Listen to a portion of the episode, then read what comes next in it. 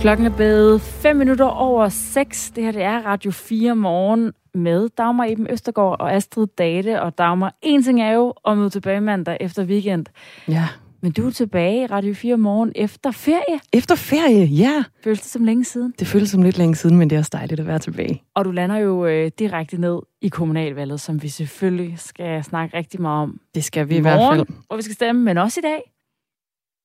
Fordi i dag der kigger vi nemlig på Christiansborgs indflydelse på kommunalvalget. Hvilken betydning har landspolitikernes besøg hos og anerkendelse af lokalkandidaterne? Og kan det egentlig have en negativ effekt, når der jo er dårlige sager i moderpartiet? Det første sted, vi skal besøge, det er Vejle. Her der havde spidskandidaten fra Socialdemokratiet, nemlig statsministeren, forbi i sidste uge. Vores reporter taler med borgmesterkandidaten om besøget. Det er klokken cirka 20 minutter over 6. Og vi skal også både omkring Maja Fjord og Slagelse kommuner med, med samme ærne her i løbet af morgen, hvor vi også har reportere ude. Og så er der altså også andre spørgsmål, vi skal have svar på i dag i forbindelse med kommunalvalget. Ja, og vi får måske ikke helt svar på dem i dag, men øh, vi stiller der i hvert fald spørgsmålene. Ja. Mister de konservative magten i Frederiksberg efter 112 år? Beholder Socialdemokratiet borgmesterkæden i det fynske Balkan, også kendt som Kærteminde Kommune, og kan SF'er tippe magten i en blå landkommune? Der er nemlig rigtig mange meget interessante potentielle dramaer i forbindelse med et kommunalvalg. Det er måske noget, du tænker, åh, oh, det er lidt tørt, det er lidt kedeligt. Men øh, rundt det kan blive ganske højspændt. Ja, det kan altså, øh, når først øh, vi har stemt, og øh, ja, de her øh, hvad hedder det, opgørelser over, hvor mange stemmer hver parti har fået, så kan det altså blive meget hæftigt, de her for, forhandlinger, om hvem der så skal sidde som borgmester. Og vi også, kan også se tilbage i tiden, at, øh, at det kan altså blive... Øh, det kan blive meget højspændt, og det kan blive meget dramatisk, og øh, en masse uheldige alliancer osv. Vi skal have en til at uh, sætte nogle ord på det. Det er politisk redaktør på Avisen Danmark, Kasper Dal, som i løbet af den her morgen præsenterer nogle af de største politiske slagmarker til kommunalvalget. Og vi får ham igennem første gang kl. 20 minutter i syv, hvor vi skal høre, hvad der er op og ned i Frederiksberg Kommune. Og så skal det altså ikke uh, alt sammen handle om kommunalvalg. Fordi i aften, der spiller det danske fodboldlandshold nemlig sin sidste VM-kvalifikationskamp. Vi tager en opsamling på, øh, hvor godt landsholdsherrene de har klaret det i kvalifikationen. Og så ser vi frem mod VM i Katar. Det er på den anden side af et nyhedsoverblik med Anne Philipsen klokken halv syv. Og så starter vi øh, sådan set også udsendelsen med noget, som øh, ikke er kommunalvalgsrelateret. Vi starter nemlig i Østrig. Det her det er Radio 4 Morgen, du øh, lytter til, og du kan selvfølgelig skrive sms'er ind. Ja, det er til 1424. R4 mellemrum din besked. Som altid, øh, i dag der har vi også øh, en masse kommentarer fra Facebook. Vi har en Facebook-side, Radio 4, hvor man også øh, kan skrive nogle input. Vi spørger blandt andet herinde, øh, hvilket tema, der er vigtigst for dig, når du sætter dit kryds.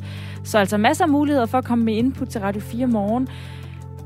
Nu er klokken blevet 8 minutter over 6. Godmorgen. Godmorgen.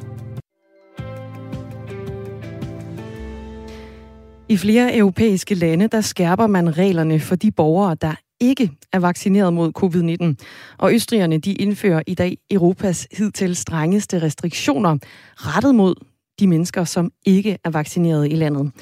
De vaccinerede skal ikke bøde for, at andre tøver med at få vaccinen, sådan lyder argumentet fra kansleren Alexander Schallenberg i Østrig, der lukker landet ned men altså kun for dem, der ikke er vaccineret. Lørdag der blev der sat en ny daglig smitterekord i landet med over 13.000 smittede. Flemming Emil Hansen, journalist og bosiddende i Wien. Godmorgen. Godmorgen. Godmorgen. Hvad er det helt konkret for nogle restriktioner, man har indført for de ikke-vaccinerede i Østrig? Altså, de, øh, de kalder det selvfølgelig lockdown, øh, så det, det ligner den, øh, den, den lockdown, som, som man har haft i, også i, i Danmark på et tidspunkt for, for efterhånden lang tid siden. Og den, øh, øh, det betyder reelt, at, at, at folk, der ikke er vaccineret eller ikke har været, været syge og er, er kommet sig igen, øh, de skal blive i deres hjem, undtagen hvis de skal på arbejde, hvis de skal til læge, eller hvis de skal øh, vaccineres, eller de skal ud og handle ind øh, livsvigtige fornødenheder. Øh, og ellers skal de blive i deres hjem. Øh, de må også godt, elever må også godt gå i skole, men ellers, ja. Så er det altså hjemmefra, det, det meste det, det foregår. Så hvordan er stemningen lige nu i Østrig? Altså, der er jo øh, virkelig et... Øh, der er virkelig en spaltning af, af, af samfundet, må man sige. Øh, de ikke vaccinerede er selvfølgelig meget vrede, det er klart. Der er en, en hård kerne, som ikke vil lade sig vaccinere under alle omstændigheder. De blev målt i en meningsmåling for, for nylig til omkring 17 procent af befolkningen. Uh, og de er selvfølgelig meget vrede. De snakker om, at deres grundrettigheder bliver, uh, bliver trådt under fodet. Uh, øh, det er klart. Og den anden del af samfundet, den større del af samfundet, uh, de, uh, de er i øjeblikket forholdsvis pragmatiske omkring det. Øh, forstået på den måde, at jeg har været ude og snakke med folk i, øh, i detailhandlen, hos frisører og så videre, og, og restaurant. Og, og, og, og den grundlæggende holdning er, at øh, man følger de forskellige regler, der er. Man gør det så godt, som man kan, øh, for at undgå det spøgelse, der står og, i kulissen, som er det fulde lockdown for hele erhvervslivet og for forretningslivet. Det vil man få alt i verden undgå. Hvad, med dem her, altså de personer, som er ikke vaccineret, de her restriktioner, de nu går, de nu går ud over? Hvad siger, hvad siger de til, til de her særlige restriktioner, der kun gælder for dem? Ja, som sagt, så er de, så, så er de meget vrede over det, og der er en, en, en forholdsvis stor, øh, stor portion øh, af vaccineskeptikere i, i Østrig. Øh, vaccine øh, kvoten den ligger i øjeblikket på, øh, på 65,1 procent, så det vil sige, det er en tredjedel, som, som ikke er vaccineret.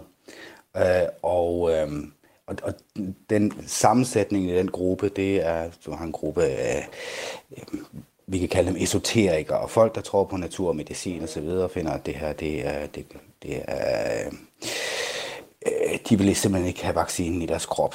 Og så er der de politiske modstandere, og, og, og så er der principmodstanderne. Jeg har været til nogle af de her demonstrationer, og de fleste er egentlig søde, rare mennesker og børnefamilier osv., men så er der også en portion af, af systemkritikere og, ja, lad os kalde dem småtosser, som vil stå og protestere, uanset hvad der bliver protesteret imod. Flemming Emil Hansen, du er altså journalist og bosiddende i Wien og med os på historien her om, at Østrig har indført restriktioner for dem, som ikke er vaccineret. Og vi kan lige tage et øh, europæisk overblik over, over andre restriktioner, der også er landet rundt om i, øh, i EU. I Letland der kan man som arbejdsgiver nemlig opsige ansatte, der nægter at lade sig vaccinere mod covid-19. I Grækenland der skal ikke vaccinerede ansatte testes to gange om ugen for at få lov til at møde op på kontoret. Og i den tyske hovedstad Berlin, der har man valgt kun at lukke vaccinerede personer ind på for eksempel bar og restauranter eller i fitness og til frisøren. Og hvis man øh, kan bevise, at man lige har været smittet, så må man sådan set også godt øh, komme ind, hvis man altså er immun. Og skal man i fitnesscenter eller i indkøbscenter i Rumænien, så kræver det nu, at man kan bevise, at man er vaccineret mod, øh, mod coronavirus.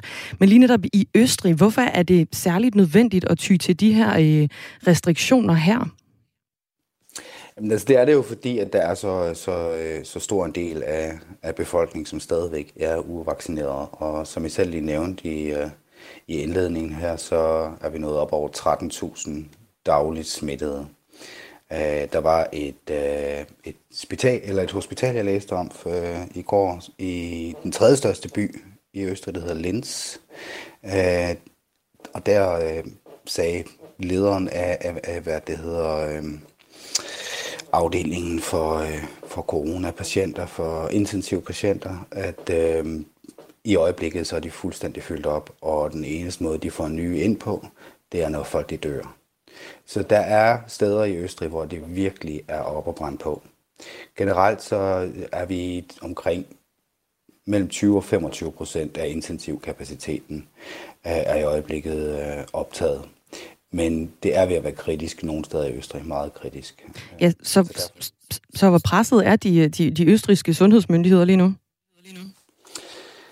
Altså som sagt, det i første omgang, øh, ligesom man også har hørt det i Danmark, at øh, i, i første omgang, så kommer det selvfølgelig til at gå ud over de mennesker, som har skemasatte operationer osv. Og det, vi er der ikke endnu. Vi er der ikke endnu, men, øh, men man er bekymret, og det bevæger sig i den retning.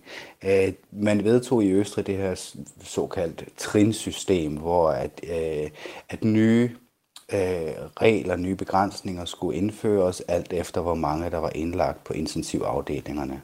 Og øh, højeste trin, det øh, lagde man ved 600 patienter indlagt på, på intensivafdelingerne. I øjeblikket er vi omkring 450, men til gengæld så er smittetallene så høje, at man ved, at i løbet af de næste, næste uge, næste 10 dage, kommer man temmelig meget over de, de øh, 600 pladser, som udgør 30 procent af intensivkapaciteten. Og på det tidspunkt, øh, når man når de her 30 procent, 30 øh, procent udelukkende til coronapatienter, så er det, at man begynder at få problemer med, med andre funktioner på hospitalerne, med at der ikke er plads på intensivafdelingerne til, til folk, som ikke kommer med corona, men kommer med andre alvorlige sygdomme. Mm. Omkring 65 procent, som du også øh, nævnte, af den østriske befolkning er færdigvaccineret, og til sammenligning så er 75 procent færdigvaccineret i Danmark.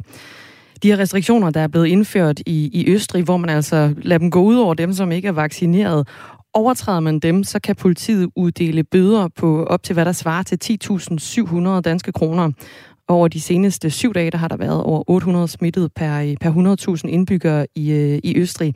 Flemming Emil Hansen, du er journalist og bosiddende i, i Wien og med os her til morgen. Næste træk fra, øh, fra østrisk side, hvad, hvad er det i den her situation?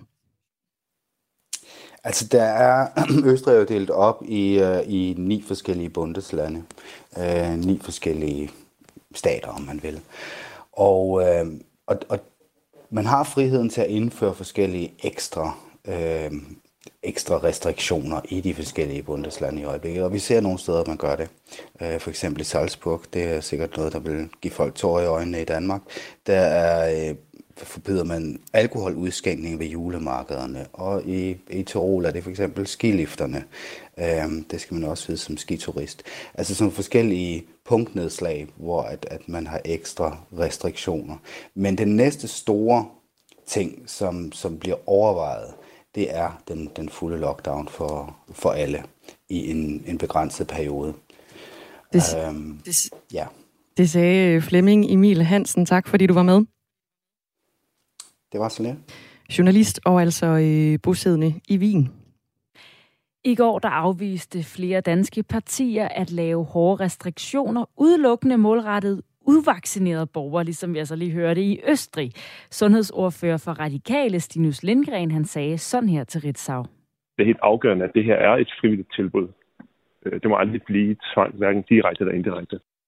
Også hos Dansk Folkeparti er sundhedsordfører Liselot Blikst afvisende over for at lave østriske tiltag.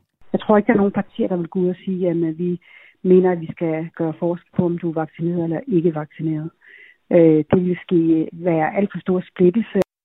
Og heller ikke Per Larsen, sundhedsordfører hos Konservative, bryder sig om tanken om forskelsbehandling af vaccineret og ikke vaccineret. Vi har netop, netop en, en, en meget høj vaccinetilslutning, og, og nu med den, øh, den opbremsning, vi lige øh, har i øjeblikket, der kan vi også se, at nu er der altså også flere og flere, der bliver vaccineret. Øh, og godt for det, fordi det er så et valg, man tager. Ja, man kan altså sige, at øh, der var flere opbakning til at lave restriktioner for de ikke-vaccinerede i Danmark, men der er altså en del Danmark, eller en del danskere i Danmark, der er vaccineret mod corona, som ikke længere vil, øh, jamen, lade sig underlægge restriktioner på vegne af dem her, som altså ikke ønsker at tage imod vaccinen. Det er da i hvert fald en øh, ny meningsmåling fra Megafon, der blev lavet for øh, TV2 og Politiken fredag, som, øh, som viser, der var der 65 procent, der svarede, at ikke-vaccinerede, de burde blive underlagt særregler, der altså ikke gælder for dem, der i forvejen har smået ærmet op på, på et af landets mange vaccinationssteder. Så en lille smule, vi kan kalde det diskrepans mellem, hvad danskerne og politikerne vil. I hvert fald blandt dem, der er blevet adspurgt i den her undersøgelse. Klokken den er 19 minutter over 6, og du lytter til Radio 4 morgen. Godmorgen. I aften der spiller det danske herrelandshold sin sidste VM-kvalifikationskamp mod Skotland. Det er måske ikke øh, så spændende, fordi vi skal nok komme videre, men øh, nu ser vi altså lige tilbage på, hvad VM-kvalifikationen har budt på, og ser frem mod VM i Katar, der starter om præcist et år. Og det gør vi sammen med dig, Dan Grønbæk. Godmorgen. Godmorgen. Du er vært på øh, Fire på Foden her på kanalen.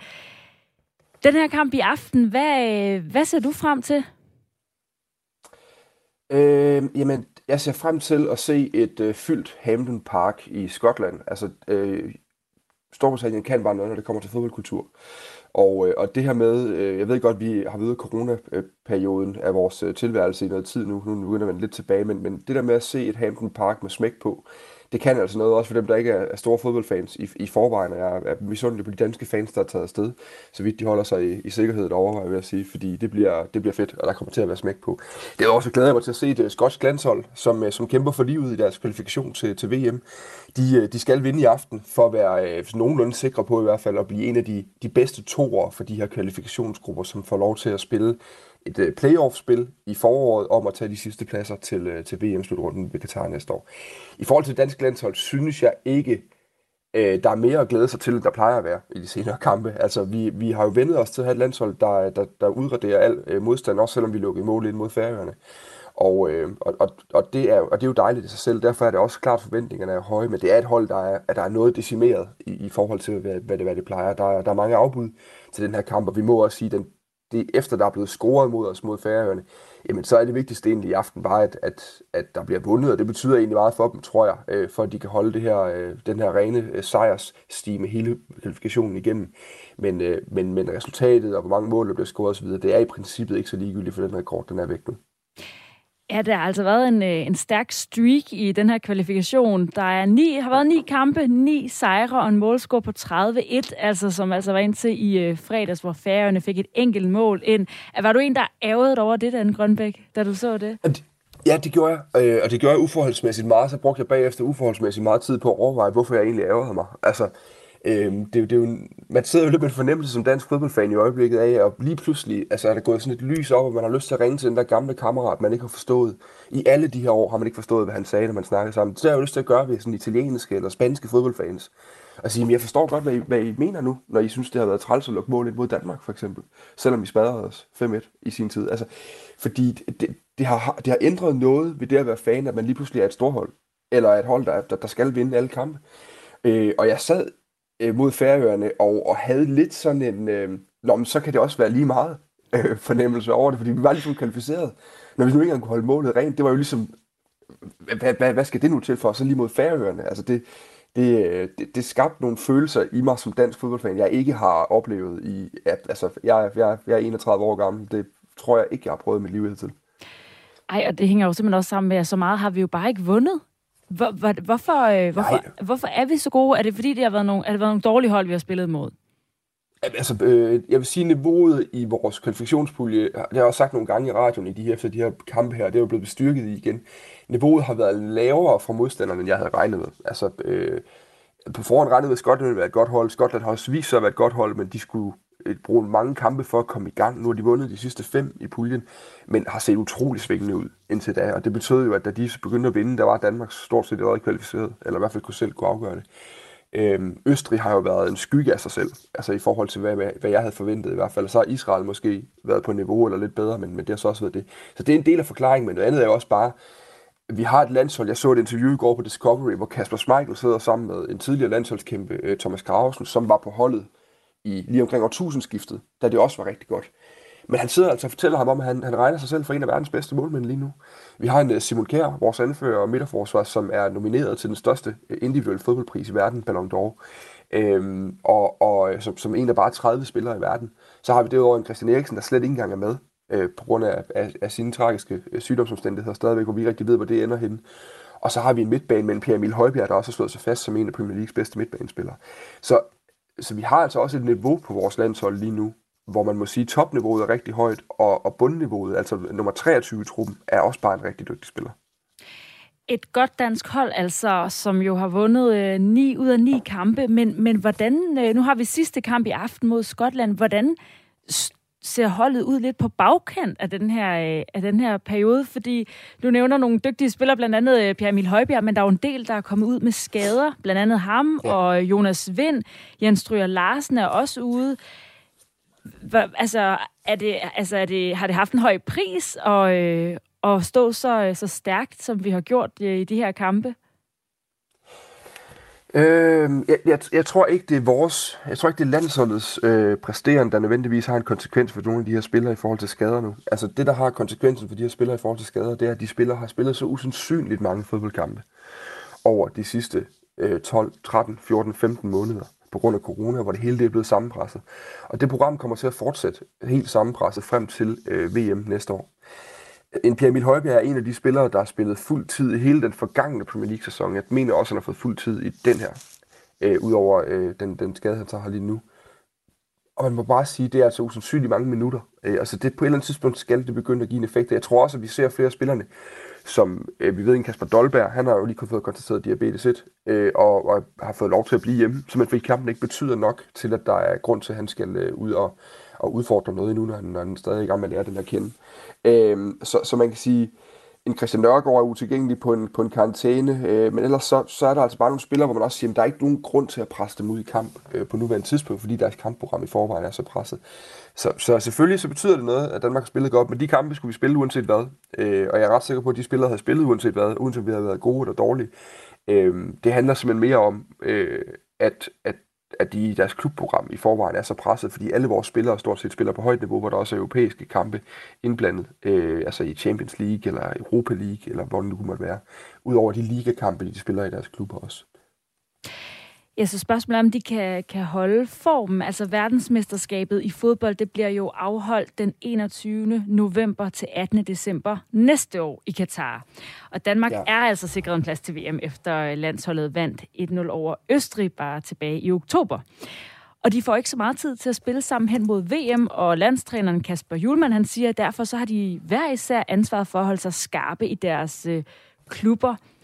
Hva, altså, Hvordan, altså, hvordan, er, øh, altså, hvordan er formen til det, altså, øh, i forhold til at blive klar til VM? Mm. Jamen, det, det, er virkelig, det er virkelig et åbent spørgsmål, at vi alle sammen, der går op i fodbold, glæder os til at se, hvordan det lykkes. Øh, frem mod VM næste år er der meget, meget få spilledatoer med landsholdet. Der kommer to i foråret, tre i foråret, mener jeg der. Og så lurer man, om der ikke kommer måske en... Jeg, jeg ved faktisk ikke endnu, om de, får, om de får plads til en enkelt venskabskamp eller træningskamp inden VM næste år. Det, det tyder det ikke på. Øhm, det der bliver det rigtig, rigtig interessante, det bliver jo, at de her sæsoner, de er i forvejen sammenpresset, som jeg lige har været inde på. Og de fortsætter jo frem mod nu. Og så har vi jo det her VM, der så er blevet lagt øh, fra midten af november til midten af december, som ovenkøbet, når man for nylig har øh, det, det internationale fodboldmedie, The Athletic, lige kunne offentliggøre, hvornår øh, Premier League er nødt til at holde pause. Og der har man altså kun ni dage inden det her VM. Og efter det så er slut, øh, jamen så skal de tilbage og spille videre faktisk i deres ligaer. Så man kommer til at se sådan et program, måske lidt som man har set i håndbold egentlig i over nogle år, hvor de her spillere nærmest den, altså den ene uge står til en slutrunde, og næste uge der er de tilbage i deres klub og er i gang med at spille, øh, spille klubhåndbold igen. Så, så på den måde, der begynder det altså at skærpe til, og det er jo noget, man har vidst siden øh, Katar fik VM tilbage i 2010, Øh, at det her det ville blive et problem, fordi det går ind og bryder med den kalender, der er i et fodboldår normalt. Altså et fodboldfans liv øh, kører jo ikke fra 1. januar til 31. december, som de fleste andre, eller øh, skolebørnene, altså, eller hvad vi nu, der kører fra, fra august til, til maj. Det er jo netop, det, det kører jo det kører fra sådan slut juli, midt juli, og så ind til slutningen af maj, eller i starten af maj, hvor Premier League, eller hvor, øh, hvor Champions League bliver afgjort. Og så hvis der er slutrunde, så fortsætter vi jo hele vejen til juli igen. Og, og i, den der, i det der årsjul, på en eller anden måde, for at lyde lidt øh, sådan djøf mellemlederagtigt, jamen der bryder øh, VM i Katar bare med, med julet. For normalt så ligger det om sommeren i det hul, der er naturligt i det jul. Og nu går det altså ind og maser sig ind i hele øh, juleprogrammet, som normalt er det mest pressede, for eksempel for den britiske liga, der plejer at spille 5-6 kampe hen over juledagene. Så, øh, så det skaber nogle kæmpe store problemer, og ja, der er nogle spillere, der... Øh, øh vi hører Simon Kjær nu fortæller, at han har en fast fys, der rejser, eller øh, Slatsen Ibrimovic fortalt på det svenske landshold, ikke at forveksle de to i øvrigt, øh, at han har en fast fysioterapeut, der rejser rundt med ham efterhånden i hans alder, for at holde ham klar hele tiden. Det tror jeg, vi kommer til at se mere af for spillerne nu. Så måske med lidt bekymring øh, skal vi gå ind i, øh, i, i det her optag til VM næste år. Men altså allerførst se Skotland øh, forhåbentlig tabe mod Danmark i aften. Dan Grønvæk, tak fordi du var med. Tak selv. Som altså er vært for, på øh, Fire på Foden her på kanalen. Og hvem kan Danmark så risikere at møde, når VM løber af stablen om et år? I går der blev øh, Kroatien, Spanien og Serbien også klar til VM i fodbold i Katar næste år. Det betyder, at Danmark altså kan møde de tre lande, men også Tyskland, Brasilien, Frankrig og Belgien. Og så selvfølgelig Katar, som er, øh, er værts, værtslandet.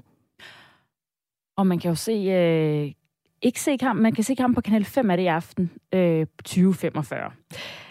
Nu er klokken altså blevet øh, ja, halv syv, og vi skal have et nyhedsoverblik.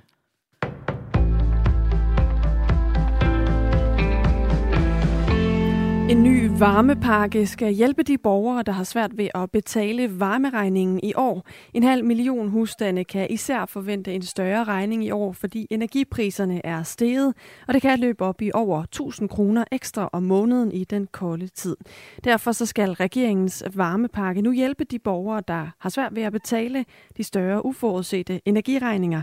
Det fortæller klimaminister Dan Jørgensen de danskere, som kan blive ramt meget hårdt af de her stigende varmepriser, det kunne være pensionister, det kunne være folkepensionister eller kontanthjælpsmodtagere. Folk for hvem det altså virkelig kan, kan gøre en meget, meget negativ forskel i, i deres hverdag, at de bliver hjulpet. Som led i varmepakken sætter regeringen en pulje af på 100 millioner kroner, som kommunerne kan søge for at få dækket de ekstra udgifter til varme. Og så opfordrer regeringen også fjernvarmeselskaberne til at strække prisstigningerne, så de ikke lige pludselig kommer på én gang. Flere af Folketingets partier er klar til at sende hjælp til den polske grænse, det skriver Kristelig Dagblad. I øjeblikket er mange migranter fanget på grænsen mellem Hvide Rusland og EU, og derfor så er regeringen, Venstre og Dansk Folkeparti klar til at støtte den polske regering i arbejdet med at bevogte grænsen. Venstres udenrigsordfører Michael Ostrup Jensen mener, at Danmark har en forpligtelse til at støtte Polen og Litauen. Han nævner en styrkelse af EU's grænsevagt Frontex eller mere overvågning, og hvis landene beder om hjælp fra NATO, så skal Danmark også være åben over for det, lyder det fra Venstre. EU's udenrigsminister mødes i dag for at drøfte situationen på grænsen mellem Hvide Rusland og Polen. Britisk politi har anholdt tre mænd i forbindelse med en sag om en bil, der eksploderede i storbyen Liverpool i går. Det oplyser politiet på Twitter. Thomas Sand fortæller. Betjente i Merseyside har anholdt tre mænd i alderen 29, 26 og 21 år i Kensington-området i Liverpool i henhold til terrorloven, skriver politiet i Manchester, som antiterrorenheden hører under. Eksplosionen er ikke blevet kategoriseret af politiet som en terrorhændelse. Alligevel har politiet sat terrorspecialister ind for at efterforske sagen. En taxi eksploderede til sydenland og brød i brand uden for Liverpool Women's Hospital i den centrale del af byen. En mand er dræbt, og en anden er såret, bekræfter politiet. Den dræbte var passager i bilen, oplyser politiet ifølge avisen Liverpool Echo.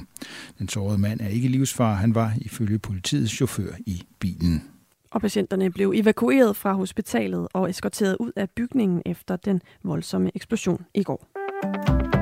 I dag lukker Østrig ned for alle uvaccinerede i landet. Det besluttede de østrigske delstatsregeringer sammen med landets forbundskansler Alexander Schallenberg i går. Tiltaget kommer efter stigende smittetal i Østrig, hvor omkring 65 procent af den østrigske befolkning er færdigvaccineret. Til sammenligning så er 75 procent færdigvaccineret i Danmark. Og det er en beslutning, der har skabt splittelse i Østrig, fortæller Flemming Emil Hansen, der er journalist bosiddende i Wien. Der er en, en hård kerne, som ikke vil lade sig vaccinere under alle omstændigheder. Øh, og de er selvfølgelig meget vrede. De snakker om, at deres grundrettigheder bliver, øh, bliver trådt under fodet. Den anden del af samfundet, den større del af samfundet, de er i øjeblikket forholdsvis pragmatiske omkring det. Øh, forstået på den måde, at jeg har været ude og snakke med folk i, øh, i detailhandlen, hos frisører og så videre. Den grundlæggende holdning er, at Øh, man følger de forskellige regler, der er. Man gør det så godt, som man kan, øh, for at undgå det spøgelse, der står og i kulissen, som er det fulde lockdown. Og overtræder man som uvaccineret restriktionerne i Østrig, så kan politiet uddele bøder.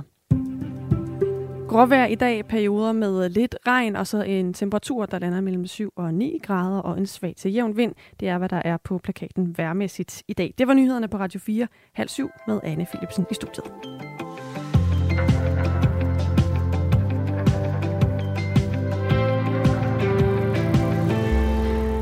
Og i Radio 4 Morgenstudie står jeg selv, Dagmar Eben Østergaard, og jeg står her sammen med Astrid Date. Og øh, det kommer til at handle en del om kommunalvalg. Det er jo i morgen, vi alle sammen skal til stemmeurnerne for at sætte vores kryds. Og i den forbindelse, der har vi stillet et spørgsmål på øh, vores Facebook-side, Radio 4. Der spørger vi, hvilket tema er vigtigst for dig, når du sætter dit kryds? Og der er kommet en øh, række kommentarer på det her spørgsmål. Heidi Larsen skriver, omsorg for mennesker er vigtigst for hende. Rasmus Jensen skriver ansvarlig økonomisk styring i de kommunale, skråstrej offentlige, og sådan på en udråbstegn. Birgitte Skov Jensen skriver naturbevarelse. Omsorg for mennesket er Ina Nielsens input til den.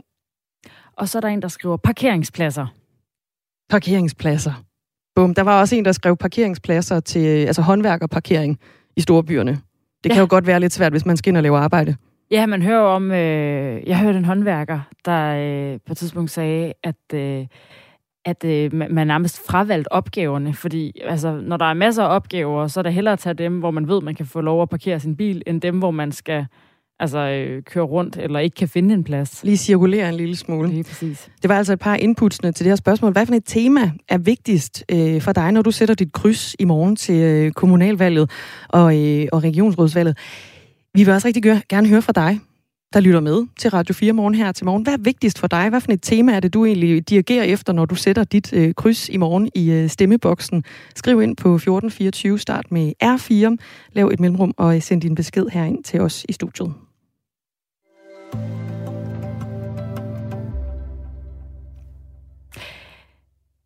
Inden vi øh, går til kommunalvalg, så tager vi altså lige lidt mere øh, sportsnyt, fordi øh, nu var vi jo lige omkring øh, landsholdet, der skal møde Skotland i aften, og jeg, vil, jeg var ved at sige, og det nåede jeg ikke, fordi så fik jeg lige øje på tiden og kom i tanke om, at vi har et nyhedsoverblik hver halve time, at øh, Ring til Radio 4, vores debatprogram her på øh, kanalen, efter Radio 4 morgen, det vil altså sige klokken 9, der 9.05. Tager hun, 9.05, der tager hun debatten med dig, der lytter med.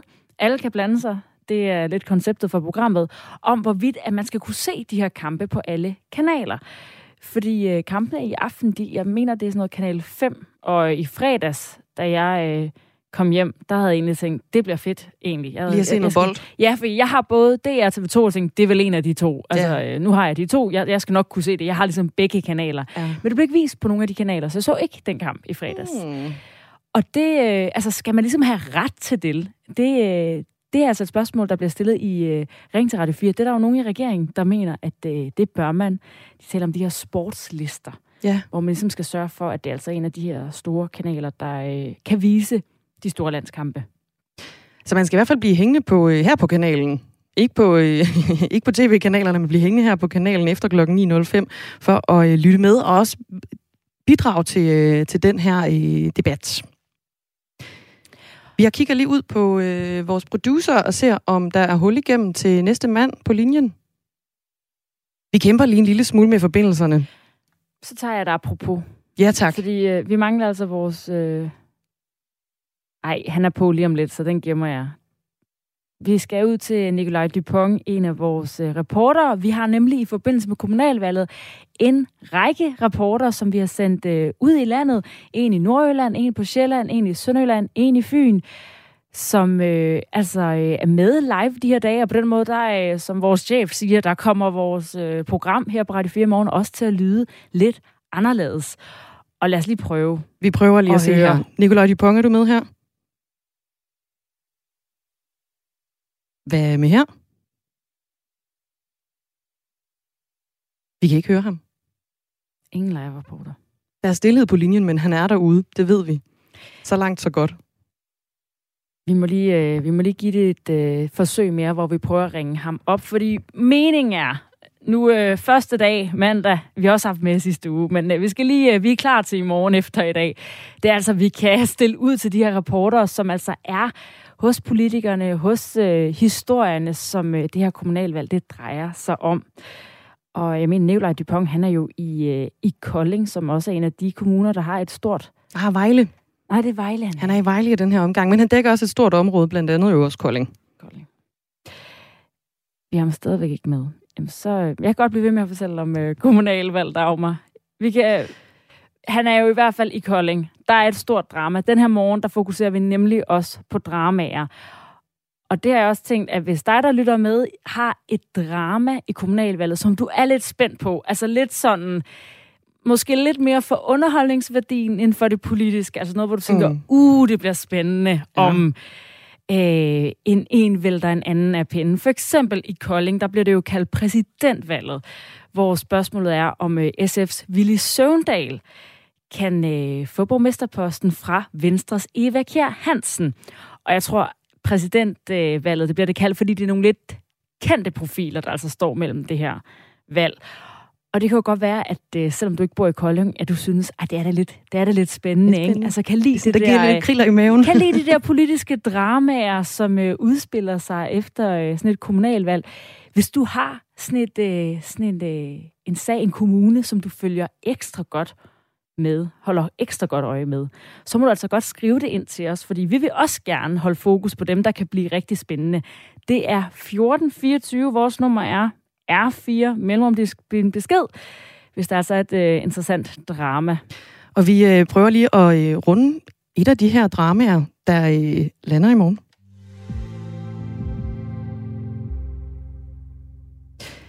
Fordi i morgen der er der jo kommunalvalg, og hvis du er typen, der jo, som du lige nævner her, popper popcorn, sidder klar til at spise sammen med de her store følelser og politiske dramaer, der altså er på spil, så er der jo nogle kommuner, som er måske ekstra interessante at følge fra sidelinjen end andre.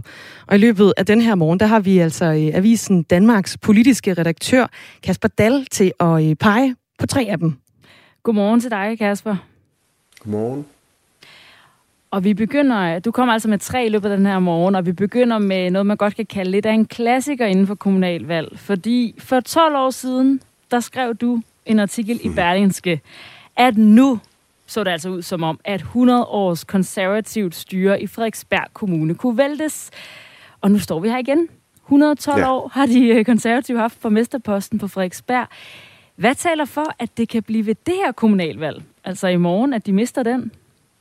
Jeg må åbenbart være utrolig dårlig til at spotte om, når nu er vi, øh, vi står her igen 12 år senere, og det stadigvæk er en konservativ borgmester, der, der har borgmesterkæden på, på Frederiksberg. Men det man kan sige, der taler for, at, øh, at der er sket øh, noget særligt i løbet af de 12 år, og måske også noget ekstra særligt ved det her valg, det er den demografiske udvikling på, på Frederiksberg. Øh, I løbet af de mange år, der er gået, der øh, er der jo øh, skiftet rigtig meget ud i befolkningen på Frederiksberg. Der er kommet flere øh, nye børnefamilier, yngre øh, ind, som typisk vil stemme mere venstreorienteret end, øh, end det, man vel næsten godt kan kalde for de konservative hattedamer, som, øh, som tidligere har domineret på Frederiksberg. Og så er der det særlige ved Frederiksberg ved lige præcis det her valg, at øh, det faktisk er kommunen med allerflest nye vælgere. Op mod øh, en tredjedel af vælgerne, der skal sætte deres, øh, eller kan sætte deres kryds i, øh, i morgen, har aldrig nogensinde stemt ved et øh, kommunalvalg på Frederiksberg. Det kan enten være, fordi de er, er fyldt 18 siden kommunalvalget sidst, eller fordi de er, er flyttet til øh, kommunen. Så, øh, så det er jo sådan en meget stor ubekendt øh, faktor, der er lige pludselig er kommet ind der, og som jo helt sikkert vil få en eller anden form for betydning, når, øh, når stemmerne skal tælles op. Ja, når en tredjedel skal stemme for første gang, så giver det nogle ubekendte, siger du. Øh, har man øh, undersøgt, altså øh, hvad, hvad de kunne finde på at stemme? Ah, der er jo lavet masser af meningsmålinger på, øh, på Frederiksberg, fordi det er et af de her sådan, særligt interessante kommuner, fordi det vil være historisk, hvis det ikke længere skulle være en, øh, en konservativ borgmester efter det her valg. Og der kan man jo se i de der meningsmålinger, at, øh, at det bliver meget tæt. Det ligger hele tiden på vippen. Jeg tror, den meningsmåling, der var for Gallup for en måneds tid siden, den pegede på et lille øh, rødt flertal, og den øh, meningsmåling, der var for, for ganske kort tid siden, tippede til, at det, det godt kunne være, at, øh, at de borgerlige partier de kunne genvinde øh, borgmesterposten. Og så er der så selvfølgelig, ligesom i alle mulige andre meningsmålinger, målinger også en rigtig stor procentdel tvivlere. Og, øh, og det kan jo sagtens være nogle af de her nye tilflyttere, der er kommet til, som de skal finde ud af, hvad skal de stemme her? Fordi når man kigger på, hvad Frederiksberg-borgerne de stemmer ved, øh, ved et folketingsvalg eksempelvis, så er de ret røde. Øh, men det har de været i mange år i, øh, i, på, på, på Frederiksberg, og det betyder jo, at der er en del, der har skiftet, når de så har haft kommunalvalg, og der har de faktisk stemt på, øh, på den, øh, den konservative borgmester oftest, øh, og har haft den her borgmestereffekt. Så det er en meget stor ubekendt, hvad de her mange nye øh, tilflyttere, de, de får betydning ved, ved valget. Her på øh, Radio 4 morgen, denne morgen, der taler vi med lytterne om, hvilket tema, der er vigtigst for dem, når, øh, når de altså skal sætte deres kryds i Frederiksberg Kommune, Kasper Dahl. Hvad er det så for nogle emner, der er afgørende for vælgerne der? Det har været sådan nogle klassiske storby-emner, øh, der har domineret i valgkampen på Frederiksberg den her gang. Det har været øh, klima. Det er noget, man går rigtig meget op i. Altså, hvordan kan man sikre, at, øh, at Frederiksberg ikke lige pludselig drukner i vand? Det er måske knap så sandsynligt, fordi det ligger øh, omsluttet, omkranset af, af København. Men hvordan kan man skabe en, øh, en grønnere by? Hvordan kan man sørge for at få øh, afledt alt det regnvand, der måtte, øh, måtte komme efter øh, klimaforandringerne? Og så er det sådan noget, øh, som også optager i, borgerne i København, nemlig øh, parkeringspladser. Altså, øh, hvordan skal vi indrette vores by? Skal der være plads til biler? Skal der være flere cykelstier? Øhm, alt den der, sådan, der kan være lidt klimarelateret, det har, det har fyldt rigtig meget på, øh, på Frederiksberg. Og så er der jo den øh, såkaldte rødgrønne alliance, altså partierne med, med SF, Enhedslisten, Alternativet og det, og det store parti, Socialdemokratiet og, og Radikale er også med i den her alliance. De vil jo meget gerne have det til at handle om, om velfærd, altså sådan en klassisk valgkampsemne, øh, hvor de ikke mener, at, øh, at man gør det godt nok på, på Frederiksberg, og jo også peger lidt fingre af, af det her styre, der har siddet der i 112 år med de konservative i spidsen. Og hvem er det, der øh, står som den stærkeste udfordrer til den konservative borgmester Simon Akkesen? Jamen, der øh, er der faktisk lidt usikkerhed i den her alliance med de partier, jeg lige nævnte før, fordi de faktisk har to borgmesterkandidater i den. Den ene, det er de radikales øh, Lone Loklint, og så er det Socialdemokraten Michael Windfeldt. Øh, de vil først, når stemmerne er talt op, sige, hvem det er, øh, hele alliancen øh, peger på. Men må ikke det ender med, at det er Socialdemokraten Michael Windfeldt, der, øh, der vil være deres øh, borgmesterkandidat, hvis så frem det fald, at, øh, at de lige får skabt sig øh, det nødvendige flertal. Og det var de jo faktisk lige ved at gøre sidste gang i øh, 2017. Der var de røde partier under 200 stemmer fra at kunne snuppe magten. Og øh, nu er hver tredje vælger i Frederiksberg Kommune, så nye vælgere, som du startede med at sige, Kasper Dahl. Hvad tror du er den mest sandsynlige, øh, altså det mest sandsynlige resultat efter valget i morgen? Altså kan det lykkes de konservative at lægge fire år til deres øh, nu 112 års styre? Oh, hvis du havde spurgt mig for et par uger siden, så tror jeg faktisk nok, at jeg havde sagt, at, øh, at den skulle de røde nok tage. Der er så meget, der taler for det, at vi ser et, øh, et systemskifte på, øh, på Frederiksberg ved det her valg. Øhm, men jo tættere vi er kommet, og jo mere jeg er dykket ned i, hvordan de her forskellige debatter er gået på Frederiksberg, så, øh, så er jeg blevet mere og mere i tvivl om, om det kan lykkes for øh, de borgerlige partier at hive den hjem.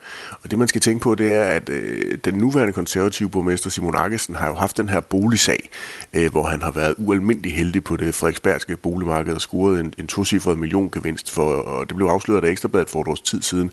Og det kan jo godt få en eller anden form for betydning, men det kan jo også godt betyde, at nogle af vælgerne de så hopper over til nogle andre borgerlige partier. Og der er jo også Venstre, der har stillet op med, med eksempelvis Janne Jørgensen, som, som også er en stærk kandidat. Han er kendt fra, fra Christiansborg. Så jeg synes, den er så sindssygt svær at, øh, at spå om, at, øh, at hvis jeg begyndte at, øh, at gamble og ville oddse på det, så tror jeg faktisk, at jeg ville drible udenom øh, om Frederiksberg, fordi det var er, er højrisikofyldt øh, nu her om et par dage. Tak for den øh, analyse, Kasper Dahl. Velkommen.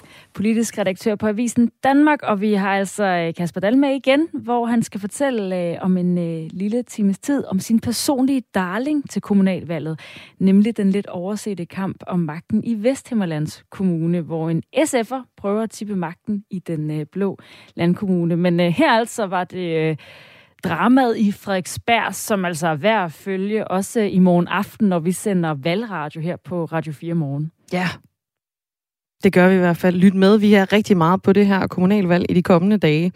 Og også øh, i den her øh, udsendelse, Radio 4 morgen, som er på en øh, dejlig mandag. Det er den 15. november, og klokken den er 12 minutter i syv. Ja, og selvom valget i morgen det drejer sig om landets kommuner, så er landspolitikerne på Christiansborg, og ikke mindst de ting, der jo sker i moderpartierne derinde, betydningsfulde for kommunalvalget. Det er noget, vi også kigger nærmere på her i øh, morgens løb. Og vi starter i Vejle. Her der har statsminister Mette Frederiksen nemlig været ude for at støtte en af de lokale kandidater. Men statsministerens vælgeropbakning er muligvis lidt tynget for tiden med både den her aktuelle sms-sag, altså de slettede sms'er, som jo udløber af mink-sagen under coronakrisen. Her der besluttede hun og regeringen, at alle mink i landet de skulle øh, slås ihjel for at forhindre coronamutationer, og det var der altså ikke lovhjemmel til, viste det sig. Og sms-sagen den kommer jo så i forlængelse af mink-sagen og handler om, at der i topledelsen i øh, Socialdemokratiet er blevet slettet sms'er, blandt andet på øh, statsministerens telefon og en række embedsmænd også. Så spørgsmålet det er jo så, hvor meget de sager de egentlig fylder, når hun kommer ud i landet, og om man egentlig er glad for at få øh, besøg af hende. Martin Sikker Christensen, godmorgen. Godmorgen. Du er spidskandidat for øh, Socialdemokratiet i Vejle Kommune. Og i sidste uge, der lagde statsminister Mette Frederiksen øh, vejen forbi Vejle for at puste, kan man sige, lidt vind i sejlene hos dig. Og det er jo ikke nogen hemmelighed, at øh, statsministeren har været udfordret af den her minksag, som kostede simpelthen erhvervet sin øh, eksistens, og så efterfølgende de her sms-korrespondencer, som øh, var blevet slettet, men som altså skulle have været udleveret til undersøgelsen af, af mink-sagen. Martin Sikker Christensen, hvad betyder det for dig, når hun så kommer og øh, hjælper til med din valgkamp? Så har vi fokus på min valgkamp, og det, der sker i Vejle, og det har været fantastisk at have besøg af Mette Frederiksen. Det har også været fantastisk at have besøg af, af de andre tre-fire minister, vi har haft besøg af. Så det der med, at de sætter fokus på, på det lokale, samtidig med, at ja, de har deres udfordring på landsplan, men, men da, de, da Mette Frederiksen var i Vejle, der havde vi fokus på min valgkamp, og det jeg står for. Men du har også selv kaldt afviklingen af minkfaget for en, det er en rodet proces, og det har en betydning. Øh, I hvert fald ifølge kommunalforsker Roar Buk, så slår landspolitiske tendenser som tommelfingerregel jo igennem med sådan lidt en halv kraft øh, på, på lokalpolitikken. Er du slet ikke nervøs for, at statsministerbesøget her i slutspurten af valgkampen kan give bagslag i din valgkamp? Nej, det er jeg faktisk ikke. Altså, jeg, jeg, jeg vil rigtig gerne være på i Vejle, men det vil jeg gerne være, fordi Vejlandeserne og dem, der bor i Vejle Kommune, de tror på det projekt, vi har lagt frem. Øh, det er jo stadigvæk sådan, at de landspolitiske vinde øh, ligger øh, markant over øh, øh nu, end de gjorde i, i 2017. Så hvis de slår igennem, så, så får vi også fremgang øh, i Vejle. Det er rigtigt, at øh, vi ligger ikke på 54, eller 34 eller 35 procent, øh, som man gjorde øh, for lille års tid siden, Socialdemokratiet på landsplan. Men det var vel også urealistisk højt. Nogle steder, der har øh, sagerne i moderpartiet haft konsekvenser. Vores reporter Nikolaj Dupont, han har været øh, på gaden i Vejle i weekenden og talt med en lokal vælger. Hun hedder Tanja Sørensen, og hun er altså blevet påvirket af de her sager, der ligger og rumsterer i, øh, i moderpartiet på Christiansborg. Og vi kan lige prøve at høre, hvad hun, øh, hvad hun siger her. Altså, nu er alt det her med, med øh, hvad hedder det, corona og mink-sager og slettede sms'er, og altså, jeg synes bare, at deres linje, den, den er markant anderledes, end hvad jeg havde forventet, den ville være i sådan en situation. Det er jo, altså, det er jo landets statsminister, som, som har øh, været involveret i det, og jeg føler, at hun er utroværdig, og at man ikke kan stole på hende. Øh, og det er jo ikke særlig betryggende at give sin stemme til en, der skal lede et land, som man har den opfattelse af. Nej, alle de her sager, som øh, bliver nævnt, de er jo foregået på Christiansborg, så derfor spurgte Nikolaj Dupont hende også, hvorfor det betyder noget i forhold til lige netop kommunalvalget. Jamen det gør det, fordi at de er jo underrepræsentanter for, for Folketinget, kan man sige. Øh, det er jo dem, altså Mette Frederiksen, hvis man kan sige, hun er leder i det, øh, i partiet og statsminister, altså de er jo underlagt hende, så, så derfor tænker jeg, at, øh, at indflydelsen fra hende, den kan jo sagtens øh, komme ned af og gøre sig gældende i kommunal- og regionsrådspolitik. Så lyder det altså fra øh, Tanja Sørensen, som øh, vores reporter Nikolaj Dupont har snakket med øh, i Vejle. Martin Sikker Christensen, spidskandidat for Socialdemokratiet i netop Vejle Kommune. Hvad tænker du, når du hører det, som, som Tanja Sørensen siger her?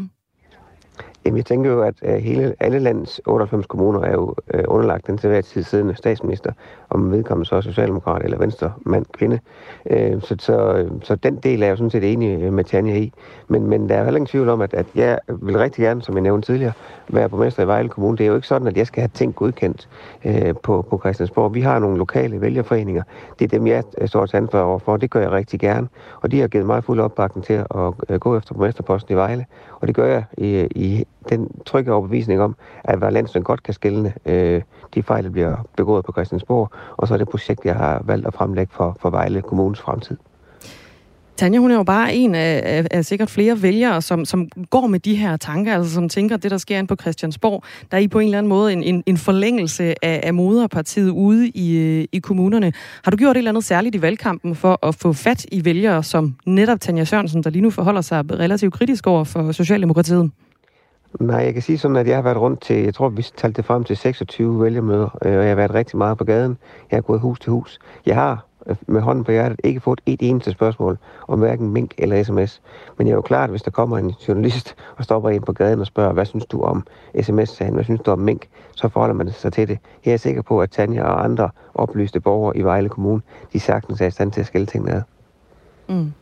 Den seneste måling, som øh, Jyske Vestkysten har øh, fået lavet i Vejle Kommune, den er fra den 4. november, og den viser, at Venstre øh, står til et, øh, at gå et godt stykke frem i kommunen, mens i Socialdemokratiet går tilbage. Altså det ligner med andre ord lidt en sejr til Venstre i en kommune, der ellers øh, virkede til at være øh, ret åben.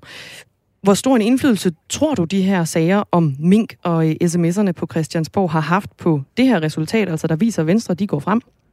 Altså, jeg er ingen tvivl om, at den øh, måling, som Vejle Venstreblad lavede omkring øh, den 4. Til, øh, først til den 4. november, altså lige omkring, hvor alt det her det breaket, det er jo klart, at hvis man har siddet hjemme og fået en opringning, så har det haft en eller anden form for påvirkning.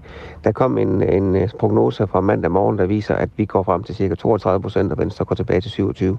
Så det er alt afhængigt af, hvor man kigger. Jeg er fortrystningsfuld med omkring, at Socialdemokratiet i Vejle øh, også efter valget er det største parti. Og så håber jeg, at jeg efterfølgende kan samle opbakken til, at jeg kan blive borgmester i byen. Og jeg undskyld i kommunen. i kommunen. Der er, der er mere end bare Vejle i Vejle Kommune. Ja, vil, du, vil du afvise, at det, det kunne være gået bedre for Socialdemokratiet i Vejle, hvis der nu ikke havde været de her sager på Christiansborg i Socialdemokratiet? Jeg, jeg tror, jeg har sagt nogle gange, jeg håber af hele mit hjerte, at hvis jeg bliver valgt, så er det på grund af mig og de evner, jeg har, og mine kandidater, de har, og ikke på grund af øh, noget, jeg er blevet tilskrevet fra det landspolitiske. Venstre, de har siddet på borgmesterposten i, øh, i snart 12 år. Jo. Hvad er det, der nu får dig til at tro, at balancen den kan tippe over til jer i år, og du kan blive borgmester, Martin Sikker Christensen? Det synes jeg alt har vist. Hvis det, hvis det alene kommer til at handle om politik, og det vi gerne vil for Vejle, så er jeg ikke i tvivl om, at uh, langt de fleste partier ender med at pege på mig. Udfordringen er, hvis det kommer til at dreje sig om poster, så er jeg sådan øh, indstillet, at, at det er politikken, der er afgørende, ikke hvad man kan betale sine, øh, sine støtter til. Så, så det eneste, der skulle kunne gå galt, det er, hvis det, det bliver afgørende. Venstre, de har sagt øh, én ting i den her valgkamp, og kun én ting. Det er Vejle sikkert videre. Der er ikke kommet nogen bud på, hvad vi gør med vores udfordring på folkeskolen. Der er ikke kommet nogen bud på, hvad vi gør med vores enorme udfordring på ældreplejen. Vi har ikke nogen bud på, i hvert fald Venstre har ikke, hvordan vi løser klimaet. Og voksen handicap er også kæmpe meget udfordret. Så jeg tror faktisk på, at det ligger ret godt til, at Vejle Kommune øh, øh efter 1. januar har en socialdemokratisk borgmester. Vi taler om temaer den her morgen i Radio 4 Morgen, og hvad for nogle temaer, der er afgørende for, at øh, vælgerne de sætter deres, øh, deres kryds. Hvis du skulle pille et tema ud, Martin Sikker Christensen, hvad er så det afgørende tema for dig i øh, Vejle Kommune som øh, kandidat? Jamen det har været ældreplejen, fordi at øh, Vejle Kommunes ældrepleje har været øh, udfordret, har, øh, og det kan simpelthen ikke være bekendt. Den måde, vi, vi behandler dem på, øh, det, er, det er ikke godt nok. Og der har vi kommet med nogle helt klare løsninger om, at vi er nødt til at behandle vores personale ordentligt. Vores personale ældreplejen, øh, i ældreplejen, de har flygtet øh, fra, fra kommunen de sidste ja, 3-4 år, og øh, den udvikling skal vi have vendt, og det tror jeg ikke på, at man kan gøre ved at bare sige Vejle sikkert videre. Der tror jeg faktisk på, at man skal have nogle konkrete løsninger. Og der er vi helt klar på, at vi skal kigge på, hvordan vi, vi er, vi behandler vores medarbejdere, hvordan vi skruer deres vagtplaner sammen, når det er udkørende, hvordan man sætter deres kørselsruter sammen, så de rent faktisk skal nå at bruge langt størstedelen af deres tid med borgerne, og ikke på at dokumentere. Sagde Martin Tikker Christensen, tak. Selv tak. Spidskandidat for Socialdemokratiet i Vejle Kommune. Og øh, i næste time, der fortsætter vi den her, hvor vi øh, tager rundt i landet for at øh, høre, hvad Christiansborg har indflydelse på øh, lokaldemokratiet. I næste time, der retter vi et fokus på den anden politiske fløj. Vi skal nemlig tale med flere venstrefolk i Maja Fjord Kommune om, hvordan partiformand Jakob Ellemann Jensens sådan lidt usikre start på formandsposten, den kommer til at påvirke valget i morgen.